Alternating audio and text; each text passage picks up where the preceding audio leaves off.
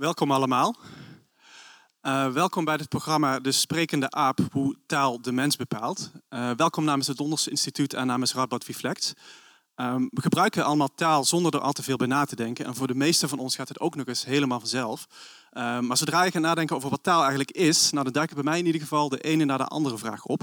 En ik wil er graag een aantal voor jullie opnoemen, waarvan we hopelijk ook vanavond, uh, die we hopelijk ter discussie gaan stellen. En waar we ook hopelijk misschien wel een antwoord op gaan krijgen. Of misschien leveren er dan nog meer vragen op. Dat zal allemaal vanavond blijken.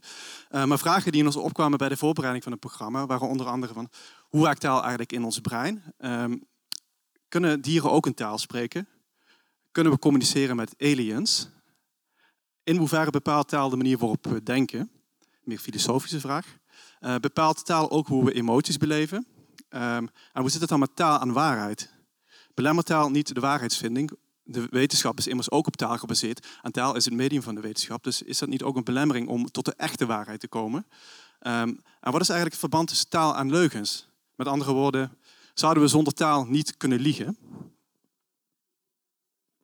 allemaal heel spannende vragen, dus ik hoop uh, dat onze sprekers daar vanavond uh, een bevredigend antwoord op kunnen geven. Um, vanavond hebben we twee wetenschappers uitgenodigd die met elkaar in gesprek gaan over deze vragen. Uh, allereerst Peter Hagoort. Peter Hagoort is hoogleraar cognitieve neurowetenschap aan de Radboud Universiteit. En daarna, daarnaast is hij ook verbonden aan het Max Planck Instituut, directeur volgens mij. Ja, directeur van het Max Planck Instituut. Um, Leon de Bruin is cognitiefilosoof aan de Radboud Universiteit en aan de Vrije Universiteit in Amsterdam. En Leon de Bruin heeft vanavond een dubbelrol. Dus hij is zowel uh, spreker, maar hij is ook de interviewer en degene die zorgt dat we door de hele avond heen gaan en door de fragmenten heen gaan. Want we hebben vanavond een hele reeks fragmenten uitgekozen om... Uh, om over een gesprek te gaan, die ook de leidraad vormen van deze avond. En om dat allemaal goed te structureren, hebben we drie blokjes bedacht. Eén um, blokje is hoe taal werkt, dus daar gaan we allereerst over in gesprek. Het tweede blokje is taal en belevingswereld. En het derde blok is taal en de waarheid. Um, zoals ik al zei, de videofragmenten worden dus tijdens deze blokjes getoond. En na, aan het einde van elk blokje is ook tijd voor vragen van jullie. Maar dat zal kort zijn. Dat zal een aantal minuutjes zijn. Ik denk dat we tijd hebben voor twee à drie vragen per blokjes. Dus we hebben een vol programma. Um, mijn naam is Dave Willems. Ik ben programmamaker bij Rapid Reflex. En om lekker de vaart erin te houden wil ik graag de sprekers uitnodigen om op het podium plaats te nemen. En ik wens jullie een hele fijne avond.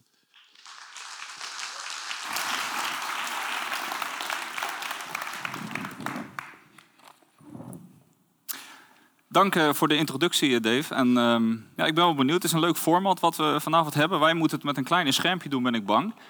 Uh, alle vragen die Dave um, aan het begin noemde, komen volgens mij wel aan bod. En we hebben het inderdaad in drie blokjes gedeeld. Dus we beginnen nu met het blokje hoe werkt het, hoe werkt taal. Maar voordat we daarmee beginnen, wilde ik eigenlijk eerst de vraag stellen, wat, wat, is, nou dus, wat is nou zo bijzonder aan taal? Dus in de, wat je in de filosofie bijvoorbeeld ziet, is dat vanaf het begin van de tijd filosofen hebben gezegd, uh, taal is nou eigenlijk datgene wat de mens onder, onderscheidt van, van het dier. De, de, de mens heeft taal, logos, en dat is wat de mens uniek maakt. En nou ja, de vraag is natuurlijk, is dat zo? En ik denk dat misschien het eerste fragment al een, een, een interessant perspectief werpt op die vraag, of in ieder geval op die claim, dat uh, taal, dat het inderdaad uniek is aan de mens.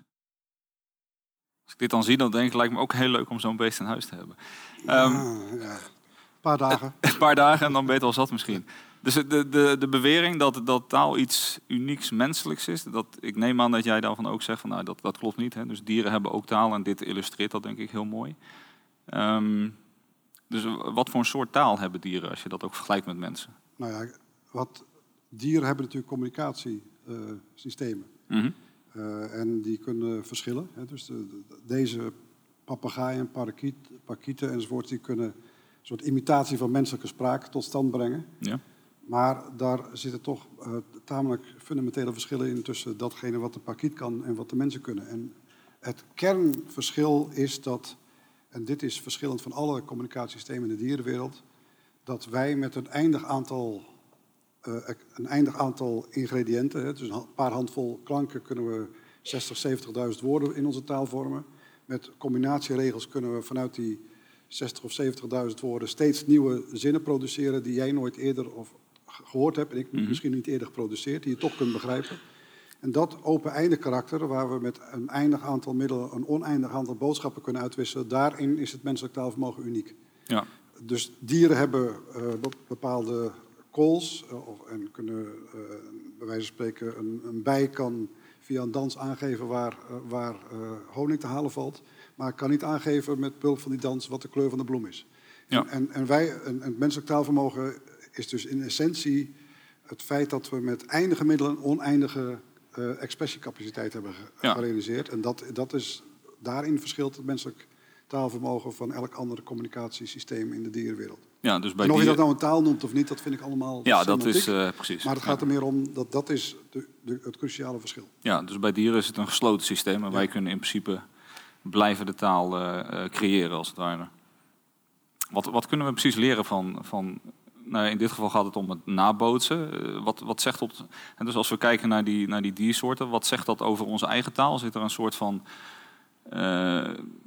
Ja, het, het, het, interessante is, je zou zeggen van, en dat is natuurlijk ook voor een, belangrijk deel geprobeerd, van wat als we de evolutionaire bouwstenen zouden willen begrijpen van het menselijk taalvermogen, dan kijk je waar zou die te vinden zijn. En lange tijd is dat hebben we gekeken bij apen, bij, bij chimpansees enzovoort. Kunnen we die taal leren. Nou, die, die hebben natuurlijk wel bepaalde mogelijkheden om ook uh, een verzameling symbolen te leren. Maar bijvoorbeeld, in tegenstelling tot de pakiet en in tegenstelling tot papegaaien, bijvoorbeeld missen die uh, het gevoel voor ritme. Dat is, een ritme is een buitengewoon belangrijk aspect voor menselijke spraak en ook om menselijke spraak te leren.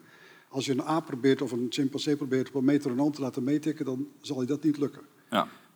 Zangvogels daarentegen, die hebben een, een patroon van, van uh, ritmiciteit en, en ook uh, syllabestructuur, lettergreepstructuren, die veel dichter staat bij menselijke spraak dan wat die aap ooit zal kunnen produceren. Dus je zou kunnen, en we weten ook genetisch gesproken dat er bepaalde genen betrokken zijn bij het leren van zang, van, uh, bij zangvogels, die vergelijkbaar zijn met de, bepaalde genen die betrokken zijn bij menselijke spraakmotoriek. Ja. Dus, dus in feite is het zo dat het menselijk taalvermogen is samenge, samengevoegd uit allerlei samenraapsels die evolutionair wel aanwezig zijn, maar dat totale bouwwerk, het bij elkaar voegen van, van al die brokstukken, heeft geleid tot dat unieke menselijke uh, kenmerk. Maar het is niet zo dat er geen evolutionaire voorlopers aan te treffen zijn en dat we niks kunnen leren van bijvoorbeeld uh, de manier waarop zangvogels hun zang produceren enzovoort. Ja, want je, je, zou in eerste instantie denken, we kijken inderdaad bij die chimpansee. Maar dat is dus helemaal niet voor de hand liggend als het om taal gaat. Dus ja, dat, is, dus lange tijd geprobeerd. Ja, hebben we, dat heeft niet zo. Maar dat heeft niet, dat heeft niet alle, dat heeft, dat is in, in zekere zin niet het antwoord geweest op de vraag van uh, waar liggen nu de evolutionaire voorlopers. Ja, ik heb nog heel veel andere vragen, maar ik denk dit is eigenlijk wel een heel mooi moment om een tweede uh, fragmentje er even bij te halen. Ja, misschien moet ik daar even... Ja? Oh, dit is het... Oh, oh, nu sla ik er eentje over. Ja, dit gaat over... Uh, we zijn nog een beetje aan het experimenteren. Ja, we zijn nog even aan het experimenteren. Dit gaat over het... Natuurlijk lang, dit is deze, ja. Dan doe ik ja. eentje terug en dan gaan we er zo heen. Ja, ja nou ja, in ieder geval, dit is interessant. Dit is een, dit is een uh, filmfragment van de BBC over een experiment wat gedaan is in de 60 jaren. Uh, waarin gepro geprobeerd werd een dolfijn uh, taal te leren begrijpen. En dat werd volledig betaald door de NASA. De NASA die wilde voorbereid zijn op de, de mogelijkheid dat wij ooit in het, in het heelal aliens zouden aantreffen. En dan is dus de vraag van kunnen we op een of andere manier proberen alvast met behulp van uh, dit soort uh, onderzoek uit te vogelen hoe we dan met die aliens in contact zouden moeten treden. Dus als we dat nou bij die, als we dat bij de dieren gedaan krijgen, dan is dat wellicht ook iets wat we straks later kunnen doen bij de aliens. Ja. Dat, dat uh, werd dus gedaan in een, in een, in een soort verblijf waar die dolfijnen dan verbleef. Die, er was ook één mevrouw, die zullen we straks zien, die met die dolfijnen dag en nacht verbleef. Dus die, die dolfijn werd ook s'avonds opgehezen naar een slaapruimte waarin zij ook sliep, wat drijvend op een, een vlot. En zij probeerden continu die dolfijn dus uh, taal te leren. Dat is uiteindelijk, dat, dat is uiteindelijk uit de hand gelopen, want degene die dat experiment deed, dat was, we spreken de jaren 60, John Lilly, die begon te experimenteren omdat die dolfijn wat verder te helpen met het LSD uh, injecteren van die dolfijnen. Ah, ja. Uh, en, dat was het einde van de dolfijn. Dat was het einde. Toen heeft de NASA de stop eruit getrokken. Was, goed, was, er, was er ook een reden waarom ze voor die dolfijn kozen? Want die zou zeggen, ja, aliens kunnen natuurlijk overal op lijken in principe. Het hoeft niet per se nou, een dolfijn. Omdat, omdat de gedachte was, dolfijnen dat zijn intelligente dieren. Dus ja. als we, die hebben een bepaald niveau van intelligentie. Dus als, als die dat kunnen leren, dan, dan, dan kunnen we die aliens wel... wel echt met die aliens ook kunnen proberen. Daar komen we straks nog op terug. Maar, dus hier zien we nu een fragment waarin gepoogd wordt om die dolfijn iets te, bij te brengen. Ja, als Ja. ik dan die, die, die parkiet zag, dan dacht ik, ja, dat leek me dan meer, meer voor de hand liggende keuze om het daarmee te gaan proberen. Want Ja, hier, kijk, eh, natuurlijk is, eh, dus in zekere zin eh, is wat die pakiet, die heeft een eh vocaal apparaat wat in staat stelt om imitatie tot stand te brengen van, van het menselijke eh, geluidsrepertoire, dat die, wat die dolfijn duidelijk niet heeft. nee. Maar de gedachte was, en dat is natuurlijk ook dat wat je, dit is een soort imitatie waarin die dolfijn wel kan leren dat pogen te imiteren. Ja. Maar dat is natuurlijk nog iets anders dan dat die dolfijn echt weet waar het over gaat. Hè? Dus Ja. eh, dat is, de, dat is het, mis, het misverstand van, eh, ja, en dat geldt ook bij die pakiet. Als die pakiet, dat, het klinkt natuurlijk buitengewoon indrukwekkend als je die pakiet die zin, zinnen hoort zeggen. Ja. Maar dat, eh, maar dat zijn in feite niks anders dan eh, klankherhalingen. En de vraag is of die echt Weet wat het over weet gaat. waar het over gaat. ja. Dan moet ik zeggen, eh, ik, jonge kinderen die zeggen soms ook dingen en dan denk ik, nou, je weet echt niet waar het over gaat. Maar soms als ik filosofen dingen hoor zeggen, denk ik, nou, weten jullie zelf ook wel waar het over gaat? Ja, dus dat- wat, wat, wat maakt nou dat wij wel weten waar het over gaat? Dus, eh, dus je zei net van, eh, één onderdeel is eigenlijk dat het, feit dat we met een open systeem werken, maar tegelijkertijd, eh, dus wat aardig is aan dat pakietfragment, is de vraag van, ja, die zegt, die spreekt eigenlijk gewoon eh, menselijke taal, maar toch zeggen van, ja, maar hij snapt niet waar het over gaat. Dus heb je, een- eh, zou, zou je zeggen van, nou, er komt eigenlijk nog meer bij kijken en dat zit hem dan bij mensen daarin, dat ze weten waar het over gaat, want ze... Nou ja, kijk, eh, in, in die zin dat, dat natuurlijk taal, met taal verwijzen we naar standen van zaken in de, in de buitenwereld. En als ik, als ik tegen jou zou zeggen van, volgens mij regent het buiten, we kijken uit het raam. En de Ja. zon schijnt, dan is er een eh, dan Is er iets mis? ergens mis met je. Ja. Maar als het zo is dat, dat als, als jij daaruit afleidt dat, in, dat dat de stand van zaken is waarnaar ik verwijs, dan heb je een, ergens een soort extern referentiekaart om te zeggen van nee, hier wordt iets beschreven waarvan ik kan nagaan of dat in de, in de praktijk ook zo is. Ja. Nou ja, nu kun je nog steeds zeggen, ja, uiteindelijk is dat iets. Ik, heb, ik, ik, ik kan het begrijpen, maar degene Ja. die het produceert, die heeft een aantal, ook een aantal dingen uit zijn hoofd geleerd enzovoort. Ja. Maar dus dat, ja, dat is het solipsistische probleem. Daar kunnen we nooit helemaal Nee, achter komen. maar het verschil wordt wel duidelijker, want die zegt zo eigenlijk, die Pakiet die zegt gewoon dingen na, maar die heeft geen flauw idee. hè, Dus hij zegt, I'm a doctor, I'm a disco. Die heeft geen Ja, flauw idee waar nee. dat aan refereert Nee, eigenlijk. nee, en dat is, die, die, kan, die heeft pra- prachtig een aantal eh, fragmenten uit, uit geleerd. En die Ja. kan hij ook onthouden. En, en eh, ook, ook eh, andere diersoorten prima geheugens. ja, Die kunnen ze produceren maar niet, en, en combineren door, door, ze, door achter elkaar die, een aantal van die frases te herhalen. ja, En dan klinkt dat zeer indrukwekkend. ja. Maar, Maar- wij gaan dus net een stap Ja, verder wat dat betreft. verder, ja. Wat, wat hebben we er eigenlijk aan? Dus het klinkt, hè, dus ik zeg een stap verder, maar waarom is het, is het een stap verder? Wat, wat, wat heeft het voor een voordeel dat we dat, we dat kunnen? Nou ja, ik, eh, ik denk dat... Ik kan wel wat een en ander verzinnen, maar... Ja, nou kijk, in ieder geval... En nou ja, kijk, het punt is, ik, ik zie ook heel veel nadelen, laat het zo zeggen. Dus, Daar komen we misschien straks nog op. Maar in ieder geval, één groot voordeel is natuurlijk dat wij in staat zijn om daarmee kennis te accumuleren. Dus ik, ik kan jou een verhaal vertellen. Je kan we kunnen het ook schrijven tegenwoordig. Ja. Dus we hebben een schriftsysteem. We kunnen dat opslaan in boeken. We kunnen die boeken co- consulteren.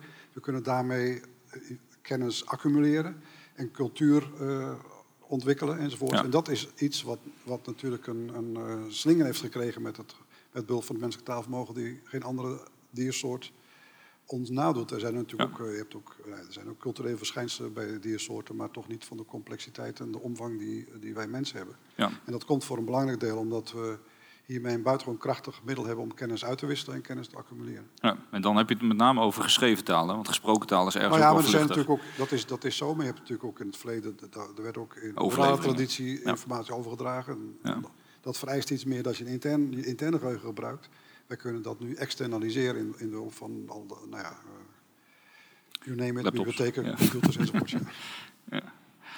Eh, Zie je, dus eh, er is ook zo'n debat in de evolutietheorie over is er nou een soort van discontinuïteit of een continuïteit. En wat je net zei, van, nou, het is een gesloten systeem eigenlijk bij die, bij die pakiet. Is er nou een trucje wat we die pakiet kunnen leren, wat bij die eh, dolfijn duidelijk niet werkt? Of, of zie jij ergens een soort verklaring daarvan? Dus, dus nu zeggen we, ja, het is een open systeem en dit is een gesloten systeem. Maar hoe, hoe komt dat? Of is dat echt nog een, een, een mysterie Nou ja, wat verder kijk, onderzocht moet worden? Ja, dan moet je de vraag stellen, wat is de evolutionaire selectiedruk geweest waarom wij zo'n eh, complex systeem hebben ontwikkeld? Ja. En, en daar eh, kom je snel terecht in de just so stories. ja, Eén idee is dat ehm, in, hè, dus dat is bijvoorbeeld in, in Dunbar's eh, idee over het, hoe doe je social bonding bij apen. Nou, dat gebeurt met vlooien. En dan kun je, heb je een groepsgrootte van eh, 150, die is het maximum. als je ook nog toe wil komen aan eten en je voortplanten enzovoorts. En natuurlijk op het moment dat je een complexe samenleving krijgt met, met jagers, verzamelaars, waarbij sommigen thuis blijven en anderen op jacht gaan, dan ontstaat er een soort sociale complexiteit die informatieuitwisseling langs, en ook social bonding langs andere wegen noodzakelijk maakt. Ja. En die kan ertoe geleid hebben dat er een dergelijk soort selectiedruk is ontstaan. Ja. Maar we kunnen dat moeilijk testen. testen. Ja. Um, ja, ik wil hier nog langer over doorgaan, maar ik zie dat we ook een beetje op de tijd moeten letten. Um, nou ja, hè, dus uh, die dolfijn uh, was dan een voorzorgsmaatregel voor het geval dat we aliens gaan tegenkomen. Ja. Maar stel nu dat we aliens tegenkomen.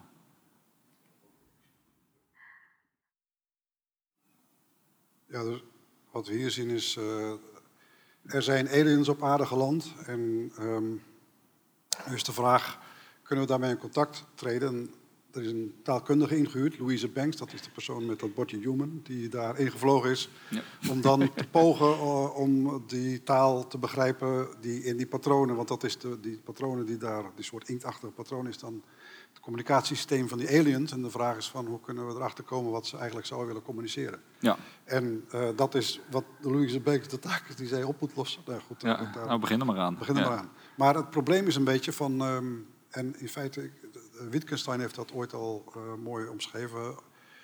Die schreef in de filosofische onderzoeking: als de leeuw zou kunnen spreken, dan zou ik nog niet begrijpen waar hij het over heeft.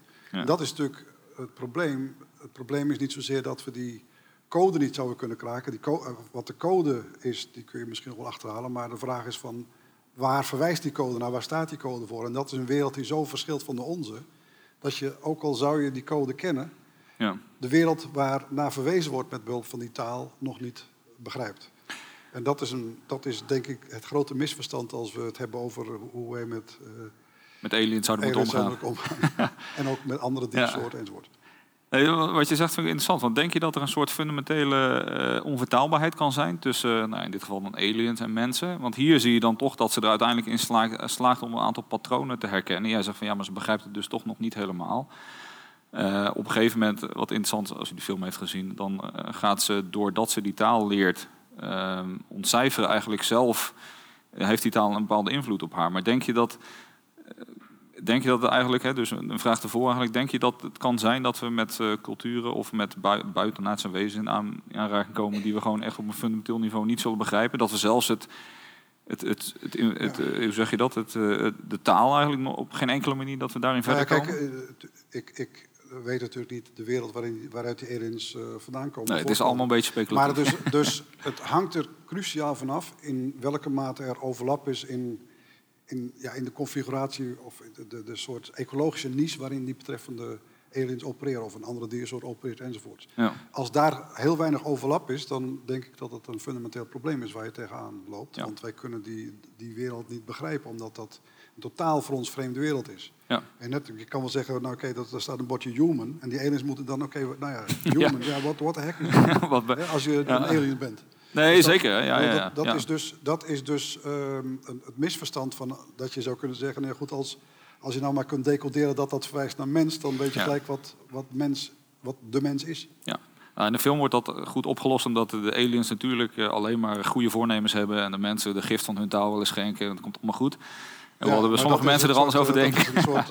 Uh, Hollywood-versie van het menselijke Precies. Uh, ja. probleem van communicatie. Nou ja, wat ik interessant achter die film zit, is ook een beetje het ideaal van de taal als iets wat verbindt, hè, wat, wat mensen helpt. Maar je zou natuurlijk ook kunnen zeggen, ik moest eraan denken toen je dat net zei, van die onvertaalbaarheid.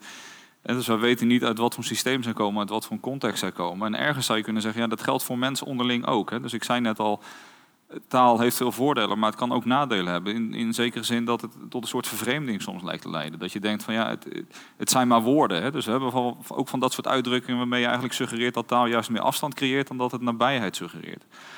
Um, wat vervolgens eigenlijk weer een vraag op, oproept van hoe kun je, kun je elkaar echt begrijpen bij taal, met taal? Hè? Dus wat je net eigenlijk zei, van, ja, om elkaar echt te begrijpen moet je toch helemaal het systeem nou, delen waarin dan, je zit. Dan, dan is, dat is natuurlijk de, de de vraag is van wat bedoel je met echt begrijpen? Ja, nee, zeker. Uh, ja.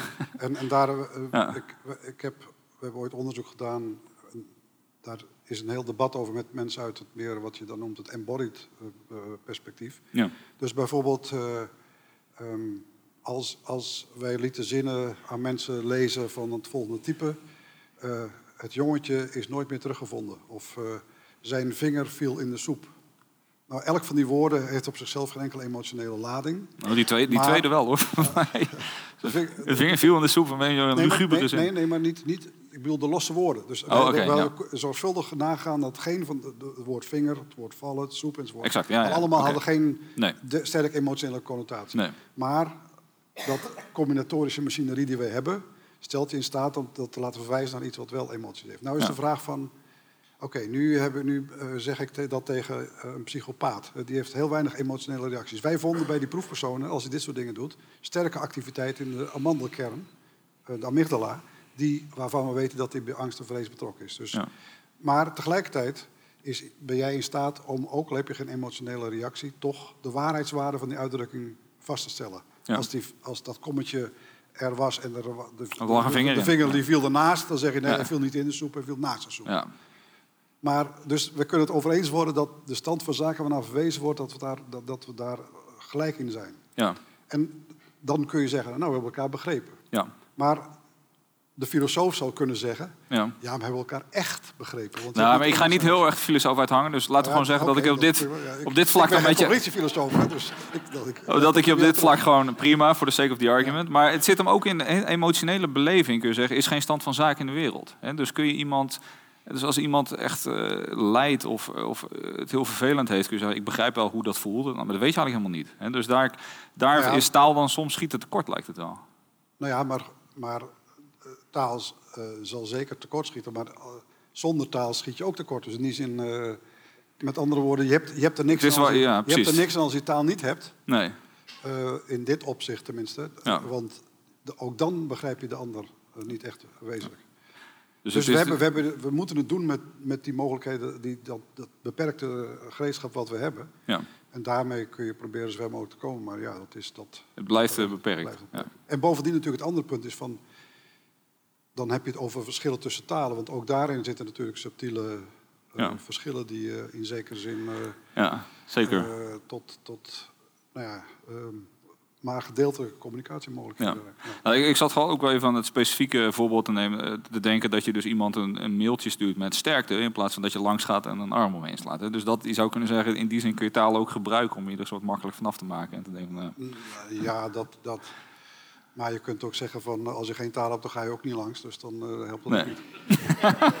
dus Ja. dan moet je het op een andere manier. Moet je het in, Ja, dan kun je, jij mee, kun je gaan meehuilen. Ja, ja, precies. Dus dat iemand dan langs zou gaan als hij de taal niet had. Maar dat is natuurlijk, eh, dat is maar een... Nou, de ges- gesproken taal, want daar gaat het dan specifiek om. Ja.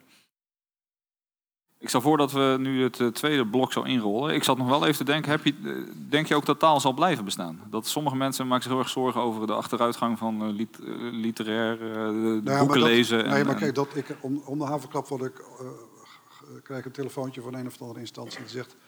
De kinderen vandaag de dag die lezen weinig. exact, is ja. dat niet Kun je daar wat over zeggen? Ja, daar kan ik wat over zeggen. Want natuurlijk, het, de menselijke soort is, bestaat langer dan 3000 jaar. Dat is ongeveer de tijd dat we een schriftsysteem hebben.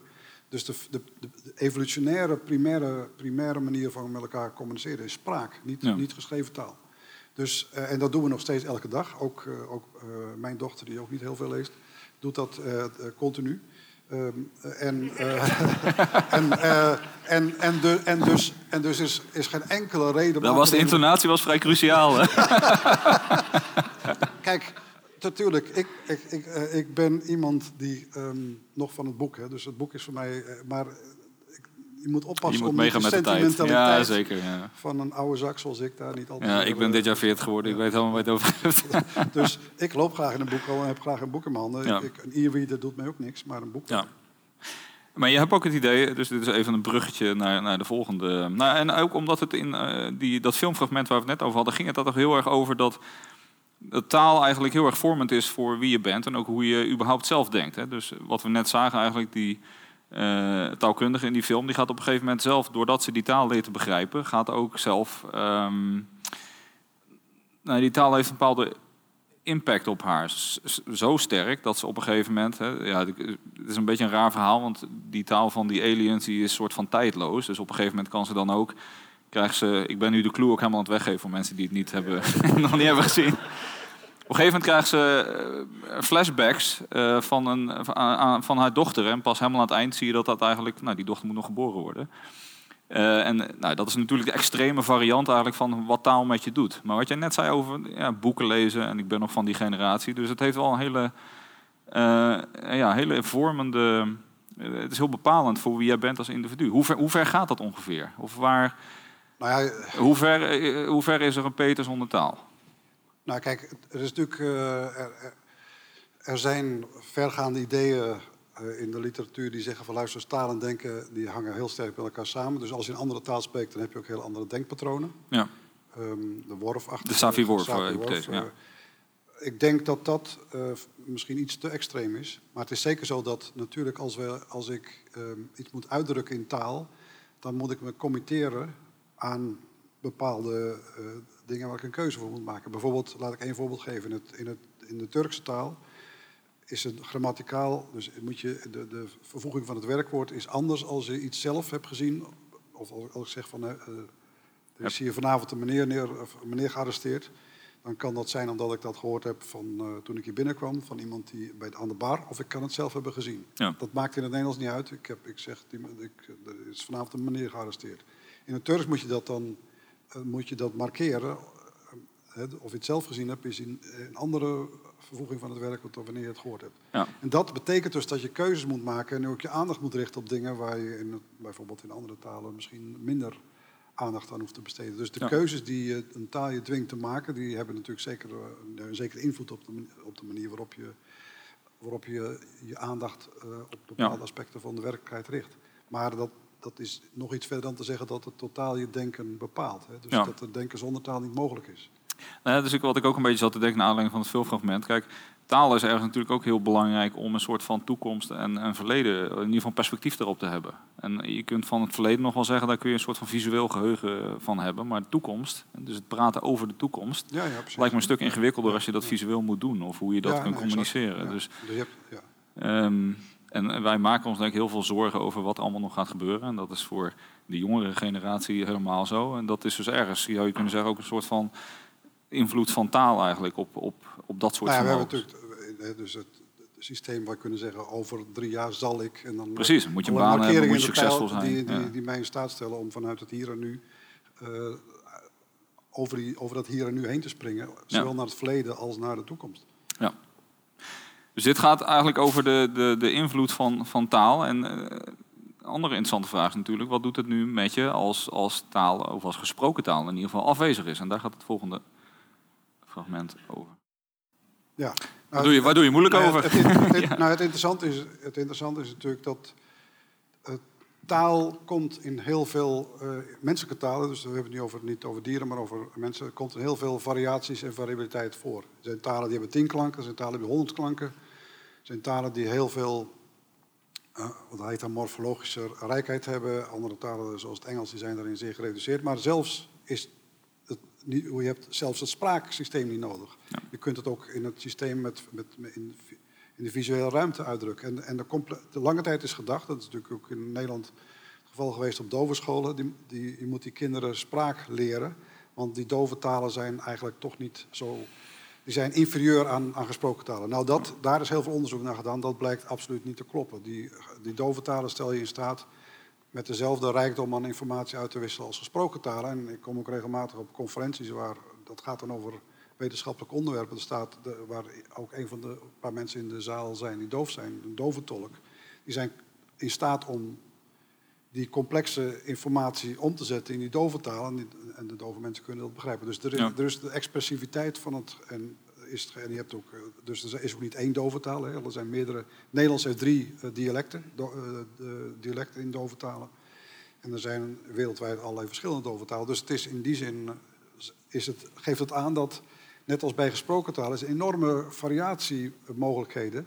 Die uiteindelijk wel ons in staat stellen om te communiceren. Maar het is niet zo dat er maar één soort manier is om dat te doen. Nee. Daar, is een, daar is een hele brede variabiliteit aanwezig. Ja. Zou je nu ook in, van een blinde hetzelfde kunnen zeggen?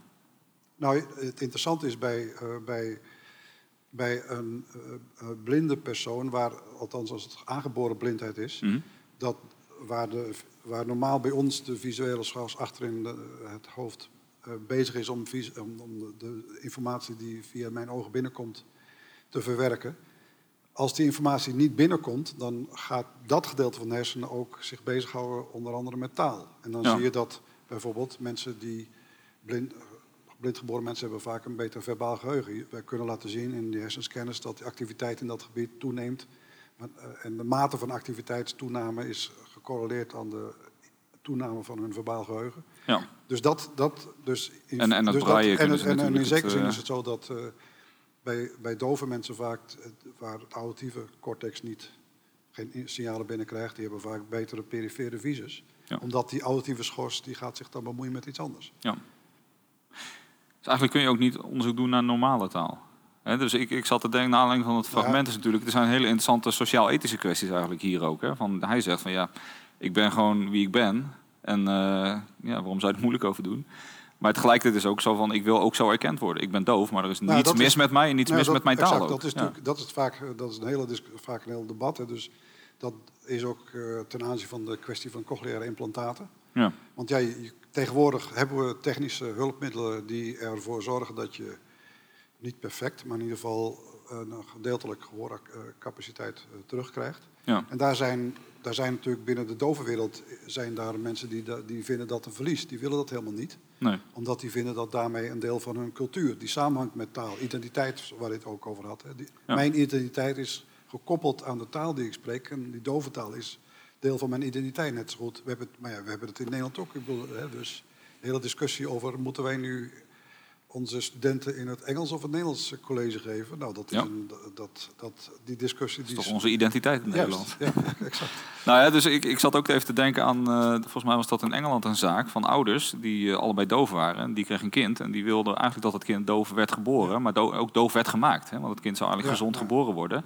En zij gaven eigenlijk het, het argument van ja, dat kind komt in een, cultuur, in een samen... ehm, in een samenlevingsverband, in ieder geval in dit geval, dat alleen maar uit dove mensen bestaat. Hè? Dus eh, een dove tuinman, eh, een, restaurant waar iedereen doof is. Dus het kind zou eigenlijk gehandicapt zijn als het horend in onze dat- gemeenschap zou maar komen. Dat, dat, dat, dat argument, dat, Ja. dat kind, hè, dus dat weten we ook. ik, kinderen- ik wou zeggen, dit is een ethische kwestie, Ja, daar hoef jij niet over nee, uit te laten. nee, Maar dat wil je wel. Nou ja, ik. nee, maar ik wil, dat, ik, ik wil dat, dat berust op het misverstand.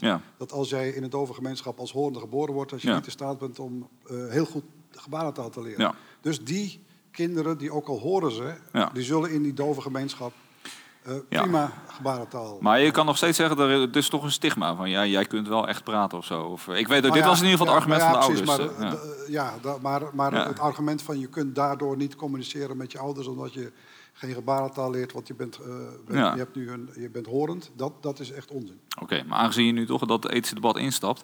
ehm, kijk, dus je, je zegt eigenlijk van er is niks mis met natuurlijke diversiteit in talen. En ook iets als het doof zijn, dat, die, dat is nog steeds heel communicatief rijk. Eh, maar je zegt wel, we moeten daar niet in gaan sturen. Dus we mogen niet gaan selecteren eh, op doofheid bijvoorbeeld, of op kunnen horen. Dus daar, Nou ja, daar ligt voor jou wel een stap ik- te ver zou, eigenlijk. Ik zou, ik zou niet snel zeggen van, weet je wat, dit is een kind wat horend geboren is. Precies, ja. Nu gaan we dat afnemen Nee. en, en zeggen van, ga jij maar lekker doof zijn. Ja. Want dat is, eh, dat is in zekere zin natuurlijk niet... dat zeiden de nou ouders ja, maar dat is in zekere ook zin, dat, ik denk dat dat de keuze moet zijn van dat individu. Dat kan heel perfect in zo'n dove gemeenschap ehm, communiceren, want dat vermogen heeft die persoon. Ja. En als die input er is, dan zal het ook eh, lukken. Ja. Maar om dan om te zeggen van we nemen de mogelijkheid af, dat ja, ik, ik zou zeggen van dat is niet aan mij om dat te bepalen. Nee. Dat moet uiteindelijk Het kind zelf. het eh, kind zelf bepalen. ja. Want ja, je, eh, Oké. Ehm, nog een fragment waarin het eigenlijk gaat over een ander soort taal eigenlijk. En een, een taal die je kunt gebruiken als eh, vervanging van ehm, in ieder geval de taal die eh, in het fragment wordt gesproken. Dus dat, gaan we... Eh, dat is dat, fascinerend. had u, dat ook- had u niet gedacht, hè, dat dit ook mogelijk was.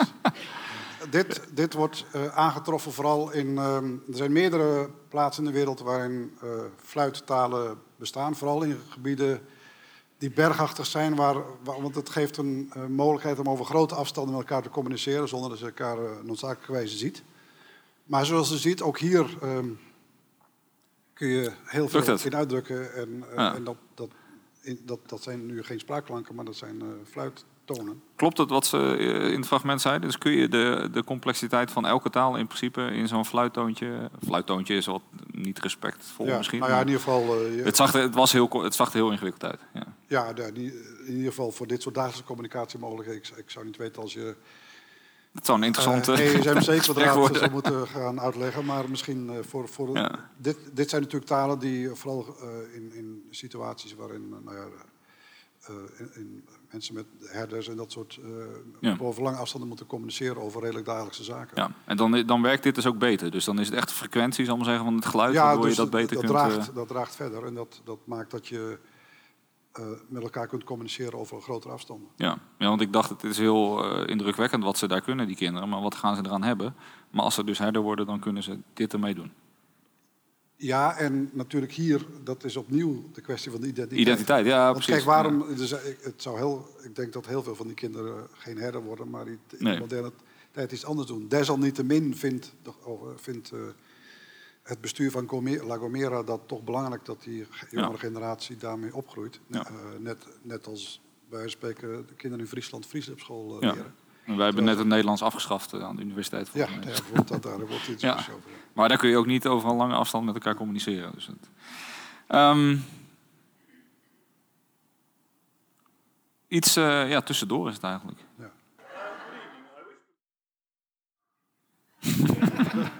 Oké. Okay. Het, was, het nou, was gewoon grappig bedoeld, ja, maar eigenlijk zit er wel een diepere nou ja, laag achter ja, om het dus laten in, zien. Dus in zekere zin is een, een, van de andere kenmerken van het menselijk taalvermogen dat wij continu uh, met sprekers die ofwel een toonhoogte of spreeksnelheid verschil hebben en al die dingen die maken voor ons niet uit. We kunnen dat allemaal aan. Hè, dus je ziet wat er gaat gebeuren. Als, als we die, wat dan heet sprekernormalisatie, niet tot stand zouden kunnen brengen, dat wij niet in staat zouden zijn om al die variatie op te handelen. En uh, daar toch dezelfde informatie uit te extraheren. Ja. We hebben een tijdje geleden, iemand in ons instituut heeft uh, een aantal keren dat um, Trump het woord China uitsprak achter elkaar gezet. En dan zie je dat dat, dat, dat kan, kan uh, duur enorm, dat kan twee keer zo lang zijn in één uiting dan in een andere uiting. Het kan enzovoorts. En tegelijkertijd horen we toch steeds hetzelfde woord daarin. Dus dat, die, dat akoestisch signaal is dramatisch verschillend in allerlei ja. aspecten. In de toonhoogte of, of of duur. Desalniettemin hebben we geen enkel probleem om uit die verschillende akoestische signalen toch steeds hetzelfde op te pikken. Hetzelfde woord herkennen, hetzelfde woorden te herkennen enzovoort. En dat is op zichzelf natuurlijk ook uh, ja. een belangrijke verworvenheid, want daarmee kunnen we heel veel ruis uh, in het, en variatie in het signaal ja.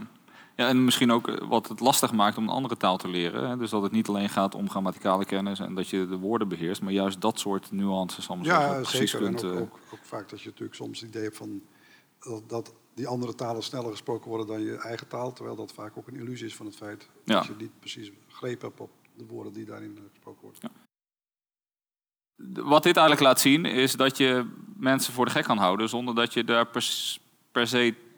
Nou, dat kun je op een niet-talige manier doen. Dus de deceptie nou ja, is op een niet-talige manier mogelijk. Maar de vraag is dan van hoe komt taal dan precies daarmee om de hoek kijken? Kunnen we misschien juist met taal mensen beter voor de gek houden? Of juist hoe... Ja, de, de, het interessante is dat hier is ooit onderzoek mee gedaan met dit soort uh, vergelijkingen tussen echte en nagemaakte emoties. We weten dat het spiersysteem dat, dat betrokken is bij het, maken, het nadoen van emoties een ander spierstelsel is in het gezicht dan bij echte emoties. En wat nu bleek is dat als je, dat, uh, dat als je dit soort taken voorhoudt aan mensen, aan, zoals u hier in de zaal, dan is het toch niet echt een heel betrouwbaar uh, patroon wat eruit komt. Uh, de meeste, de, ongeveer, als je dat bij een grote groep proefpersonen doet, is 50% kans dat je het uh, juist hebt. Klopt ongeveer. Denk ja. ja. Bij um, mensen met een rechter hersenbeschadiging, dus een, een soort CVA in de rechter hersenhelft, die niet bij taal betrokken is, hetzelfde laken en pak. Maar nu komt het interessante. Nu doe je dat bij afasiepatiënten, waarbij het taalvermogen dankzij de hersenbeschadiging voor een belangrijk deel is uitgeschakeld. En die scoren ineens 80%. Die zijn dus veel betrouwbaarder in het herkennen van die echte emoties en die subtiele signalen die visueel aanwezig zijn om onderscheid te maken tussen echte en nagebootste emoties. En dit um, heeft te maken, althans dat zou je uh, kunnen denken, hè, dat dit heeft te maken met het feit dat wij benaderen de werkelijkheid niet als een, als een fotocamera, waarvan je zegt van oké, daar, daar is de, de werkelijkheid en nu gaan we objectief vastleggen wat er gebeurt. Maar uh, wij projecteren in feite onze verwachtingen op de werkelijkheid. En, en dat, doen we, dat, dat heet dan een intern model. We hebben een intern model van de werkelijkheid. En we confronteren dat interne model met de informatie die we binnenkrijgen. En als daar een gro grote, groot verschil tussen bestaat, dan stel je interne model bij. Ja. Maar dat interne model in het menselijk systeem is voor een belangrijk deel uh, gebaseerd op ons taalvermogen. We hebben een rijke, dat, dat noemt Dennett een Center of Narrative Gravity. We hebben allerlei hersensialen die uh, continu rondzingen.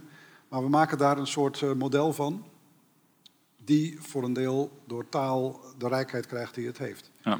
En als je die rijkheid wegneemt, dan zijn we dus veel sterker uh, afhankelijk van de feitelijke perceptuele informatie die we binnenkrijgen, omdat we minder projectiemogelijkheden hebben om dat interne model op de werkelijkheid te projecteren. En dan ja. we dat, dus dat interne model gaat ten koste van de uh, waarheidsgetrouwheid van de waarneming, zou je kunnen zeggen. Ja. En hoe, hoe, hoe armer dat model is, hoe waarheidsgetrouwer onze waarneming wordt.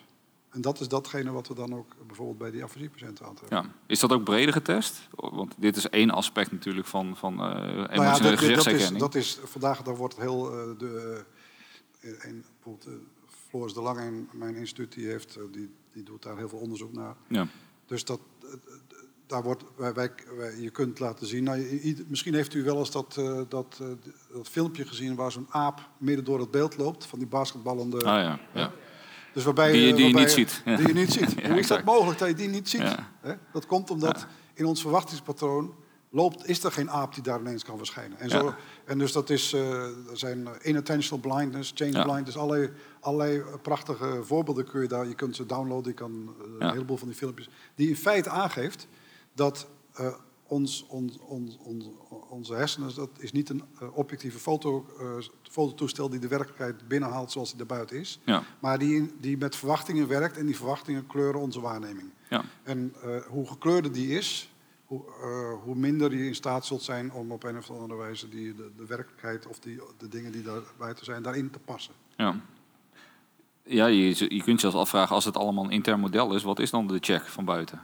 Dus in dit geval, dus nou ik zat me ook bij dat testje af te vragen van ja, eh, dus er wordt eigenlijk gewoon geponeerd van um, deze is fake en deze is echt. Ik zat me denken, volgens mij als je het een beetje traint, die gezichtsspieren, dan kun je een heel eind komen. En dus het idee dat, dat je echt van je gezicht kunt aflezen dat een emotie nep is, Denk je niet dat, dat je ja, zodanig iemand voor de gek kan houden dat je zelfs dat goed kan beheersen? Want met lachen bijvoorbeeld moet je vooral de bovenkant van je gezicht ook uh, meenemen. Want anders heb je alleen maar een sociale lach en doe je zo. Uh, is niet, niet echt, dat doe je gewoon om ergens vanaf te komen. Uh, maar dan denk ik, nou, dat zou je best kunnen trainen. Nou ja, misschien, kijk, topacteurs die zullen dat uh, Precies, zullen ja. Dus er zijn allerlei dingen die je wellicht kunt trainen. Maar, maar het punt hier is dat je, dat je dus dat er verschillen, objectieve verschillen zijn die, ja. die, we, excuses, die wij niet, um, die, die veel van ons niet waarnemen. Ja. Maar als je in een conditie gebracht wordt waarin je niet, niet meer. En in feite is het ook een, dat is ook uh, wat bij mensen met depressiviteit vaak gezegd wordt. Die zijn, ja. ook, als het, die zijn ook realistischer in hun waarneming. Depressive realism, dat is ja. een theorie in de psychologie. Ja. Um, maar de, dus waar ik net een beetje op zat door te vragen, is als je zegt dat onze werkelijkheid helemaal wordt. Uh, ja, nu gaan we lekker uh, in de richting van de, de filosofische vraag. En dus als, als het alleen een soort van projectie is van een innerlijk model, wat, en jij zegt daarna van ja, maar er is een soort objectieve werkelijkheid, is dat ook niet gewoon een projectie van een innerlijk model? Ja, kijk, dus... het, uh, er is, het is niet zo dat je natuurlijk dat, dat interne model helemaal niet kan bijstellen op basis van informatie die je binnenkrijgt. Hè. Dus nee. het, is, het is niet zo dat, dat alles zomaar, dat je zegt dat is allemaal projectie en er is nooit een keer een correctie mogelijk. Ja. Dat zou ook betekenen dat ik... Uh, als je kunt projecteren wat je wil. De ja, krant lees, word ik continu, uh, word ik continu uh, krijg ik informatie die mijn, die mijn uh, voorafgaande ideeën bijstelt. Ja. En dat is ook, ik bedoel, anders zou ik niet kunnen, kunnen leren of niet informatie kunnen, informatie kunnen toevoegen. Dus dat is wel, het is wel degelijk zo dat we dat interne model de hele tijd confronteren met informatie die binnenkomt. Ja, want kijk, het, interessante denk ik ook van deze theorie, dat je tegelijkertijd ook wil uitleggen dat sommige mensen, met wat voor soort informatie ze ook confronteert, ze hun interne model niet bijstellen. En dus die blijven gewoon hardnekkig ergens in geloven. Dat je denkt, nou hoeveel bewijs moet je nu nog daarvoor hebben? Ik ben je gewoon continu eigenlijk aan het voeren met conflicterende data. Maar dus het Dennett verhaal is, is ook meer van het moet ook een beetje leuke data zijn. En als het niet leuk is, dan zorgen we wel dat het past in ons model. Hè. Dus er zit ook een heel sterke vorm. Nou ja, precies. Er is ooit hier vorig jaar in de in Science Film Festival film geweest over de Flat Earthers. Dat is een ja, oh, ja. mensen die zeggen de aarde is plat. En, en, wij zijn allemaal volgelogd op school. En elke, elke bewijs daarvoor vanuit de ruimte enzovoort is allemaal fake. En uh, is allemaal complottheorie enzovoort. En die gaan heel ver in het proberen even, en zelfs doen ze onderzoek. ja, dus, precies, ik wou het net zeggen. Ja, dus Waar, waar, waaruit ze zelf moeten concluderen als ze die informatie die uit het onderzoek zo blijken serieus nemen. Dat ze hun eigen onderzoek laat zien dat de aarde niet plat is. Ze hebben het zogenaamde... Ja, ik, heb, hier heb ik dan een leuke anekdote. Dat is, of anekdote, een serieuze theorie die dan de Flat Earth-hypothese ondersteunt. De zogenaamde Pac-Man-theorie. En dat is dan van... En dus een vraag die je moet beantwoorden als je dat gelooft. Is waarom is het zo dat vliegtuigen niet uh, over de rand eraf vallen, zal ik zeggen. Of dat ze ineens daar verdwijnen. Wat gebeurt er dan? En de theorie, dus aanhalingstekens, is dan dat het eigenlijk net zo werkt als op een Pac-Man schermpje. Dat als Pac-Man aan de linkerkant verdwijnt, dat hij gewoon aan de rechterkant terugkomt. ja. Ja, ja, ja, Dus nou, dat is natuurlijk keihard wetenschappelijk bewijs. Daar kun je eigenlijk niet onderuit. Ja, ja, dat is ja. maar kijk, tegelijkertijd, het interessante is natuurlijk wel... Game theory. Game, game, game theory, ja. Kijk, je kunt wel zeggen, in zo'n community van flat earthers. Ik heb die documentaire ook gezien. Dat blijkbaar die interne modellen die versterken elkaar allemaal. Hè. Dus er zit een soort bubbel van gelijkgestemde modellen die gewoon eigenlijk niet meer te corrigeren is. En ze, uh, nou, dus, dat, dat, hè, dus dan zeg je er is iets objectiefs uiteindelijk. Maar sommige modellen zijn dan blijkbaar toch ongevoelig voor. Enfin, dit, nu ben ik een beetje op de filosofische toer aan het, uh, aan het slaan. Um, maar dat is natuurlijk dat is het grote goed van, uh, van wetenschap. Hè. Je kunt zeggen, wetenschap is ook maar, ook maar een mening, dat, die sommige mensen erop nahouden. Ja. Die opvatting. Ja. Maar, het, uh, we hebben, en, en, en, maar het, het goede aspect van wetenschap is dat ik kan een bepaald idee hebben omdat ik denk dat het zo is en omdat ik dat van mijn grootmoeder gehoord heb of van uh, iemand anders. Maar we hebben met elkaar afgesproken ja. in de wetenschap dat we procedures hebben om vast te stellen of mijn opvatting meer houdstijd dan die van een ander. En dat is in tegenstelling tot elk ander beliefsysteem. We kunnen zeggen van, uh, is het hindoeïsme beter dan het boeddhisme? Uh, is het christendom beter dan de islam? Nou ja, daar kun je allerlei opvattingen over hebben. Maar er is geen, is geen object, het is niet een soort uh, manier waarop we kunnen dat, dat debat kunnen beslechten. Nee. In de wetenschap kunnen we dat wel beslechten. Ja. We kunnen zeggen, oké, okay, we zijn het met elkaar eens. Jij doet een uitspraak. Je hebt een bepaalde opvatting over hoe de werkelijkheid in elkaar zit. ik heb een andere opvatting. We doen een we doen een test. We kijken of de, of de bewijs, of het bewijslast meer in mijn kant op gaat dan in jouw kant. je gelooft, je gelooft niet echt in Koen en het hele idee dat... Hè, dus, dus Koen zei, Thomas Koen, de wetenschapsfilosoof zijn... die zei, er zijn in de wetenschap ook echt totaal verschillende paradigma's... waardoor ze eigenlijk niet met elkaar ja, kunnen maar, maar ook bij Koen was het zo dat die paradigma's elkaar kunnen vangen... maar niet zonder dat er vooruitgang is. Met andere woorden, het, het Einsteinse paradigma verving dat van Newton... maar we zijn het er allemaal over eens dat dat een stap voorwaarts is. Ja, ja, Koen zelf was er een beetje ambigu over. Dus die zei van op een gegeven moment, eh, dus dat is een beetje dus de, de, de, de, hoe zeg je dat? De, de, de, ehm, eh, de relatieve, relatieve, relativeringsinterpretatie van Koen. Dat je zegt van ja, het ene systeem, hè, dus je hebt psychoanalyse en je hebt uh, nu een ander systeem. En je weet vooral... Nou ja, maar, nou ja, maar dat, dat, dat, dat zou misschien dan bij de psychoanalyse kunnen zijn. Maar kijk, toen twee jaar geleden de gravitational waves werden aangetoond, waarbij voor minder dan een seconde de afstand uh, Brussel, um, uh, nee sorry, Parijs, Berlijn, uh, minder dan 2 mm verschoven was. Dat kan worden vastgesteld nu. Dat was een consequentie van de, voor, van de, van de voorspellingen van, de gravit van Einstein's ja. gravitational waves. Ja. Met die precisie kunnen we dat nu meten. En met die precisie kunnen we vaststellen of, die, of de voorspellingen van die theorie, waarvan Einstein zelf gedacht had dat die nooit experimenteel toetsbaar zouden zijn, dat is nu getoetst. Dat vind ik dus een buitengewoon krachtig signaal in de richting van oké, dit is... Er is wel vooruitgang. Dus dat, is, dat is iets waar... Ja. En, en uh, ja, mijn grote zorg is dat vandaag de dag, mede dankzij postmoderne filosofen die alles een constructie noemen, en zeggen het is allemaal geconstrueerd en er is ja. geen objectieve werkelijkheid, ja. dat nu meneer Trump en iedereen kan roepen wat hij wil en zegt, het is ook maar een mening. Ja, nou, vind vaccinatie dus echt, en, en, dat nou, soort uh, kwesties. En dat vind ik een buitengewoon gevaarlijke ontwikkeling. Dus in die zin zou ik iedereen oproepen van uh, laten we al, vooral alsnog de, de wetenschap uh, in, zekere zin uh, een, een, een, warm hart toedragen, warm hart toedragen en een stem in het kapitel geven. Ja. Um, ik denk dat het volgende fragment hier helemaal bij aansluit.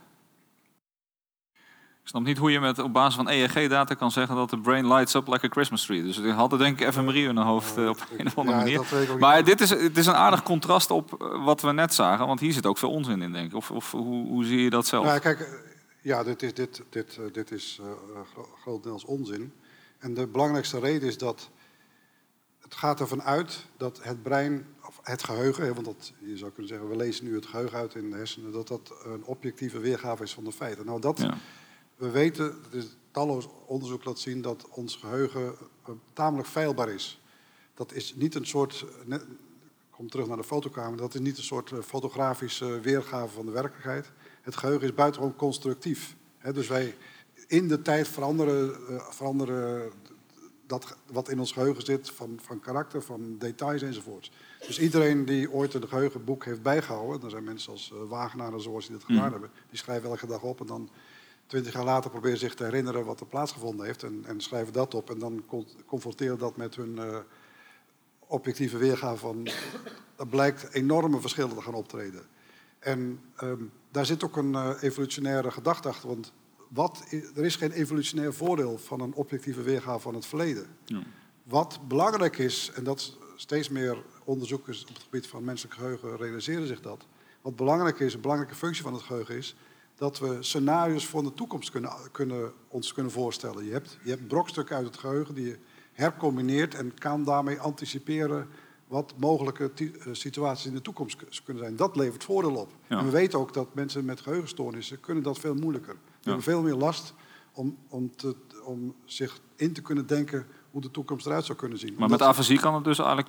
Dus daar zit meer een soort waarheidsbevinding voor dat afasie- soort patiënten. eh, Wat je net zei. hè, dus- Afasie is natuurlijk een, heeft, is geen geheugenstoornis. Nee, nee, nee, precies. Ja. Nee, maar ik vind het Dus- grappig hoe je dat uitsplitst. Zo staal is hier toch een beetje de boosdoener. Eh, Naarmate taal in het spel komt, komt er eigenlijk meer, ook qua geheugen, zit er toch meer confabulatie en eh, de- vervorming eigenlijk maar, van wat er... Maar in, in- in- natuurlijk, eh, ook andere diersoorten hebben interne, zou je kunnen zeggen, interne modellen. Dus het is Ja. niet zo dat, dat, eh, dat die in dat opzicht noodzakelijkerwijs objectiever zijn dan wij. Nee, wij kunnen het gewoon Maar- iets beter nog, ja. mensen maar maar deze, deze, dit soort ehm, idee van de leugendetector gaat ervan uit ja. dat ik, jij zegt iets.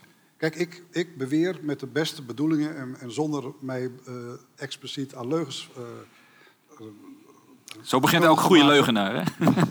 ik beweer onzin, omdat ik in mijn geheugen niet. Ik kan mij de dingen. Ik kan, wel, ik, zeg, ik kan wel zeggen. Gisteren heb ik Ja. dit of dat gedaan. Ja. En dan kan ik met de beste. eh, Conf- Dat is confabulatie eigenlijk, hè? Precies. Ja, je hebt niet de intentie om te liegen, Nee, maar je, precies, je weet gewoon niet... Ja. En, en natuurlijk, eh, en, en daarnaast is het ook nog zo, als je nou echt zou willen liegen, dan kun je dit soort dingen ook wel, eh, daar kun je ook wel weer trucjes en strategieën verzinnen om dat omzeilen. Als jij weet hoe dat min of meer in elkaar zit, dan kun je zeggen, nou dan, eh, dan eh, laat ik dat eh, signaal oplichten bij iets wat in feite Ja. niks te maken heeft met de. Net zoals eigenlijk bij de oude leugendetector het geval was. Hè? Dus als je de, de, de, de, zenuwen... Precies, Ja, de huid, dus als je dat ja. een beetje Ja.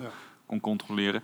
Te- Tegelijkertijd, het hoeft ook niet heel veel beter te kunnen. Hè? Dus eh, wat we nu veel hebben in het... eh, Dus een interessante vraag is natuurlijk, en dat wordt hier niet helemaal besproken van... moet je dit nu in een, in een rechtszaak toelaten, dit soort bewijs? Eh, Wat we nu hebben is eh ooggetuigenverklaringen, ook niet ja, altijd die best. zijn. Nee, nou ja, nee, precies. Dus eh, dat, eh, het is niet zo dat de rechtspraak eh, onfeilbaar is. Nee, denk je dat, dat, eh, dat neuro-inzichten op een gegeven moment, wanneer zijn, zijn die daar klaar voor? Dus dit is nou duidelijk nog niet zo ver. Maar of, of eh, is dat te, moeilijk om, Nou ja, om de uitspraak over te doen?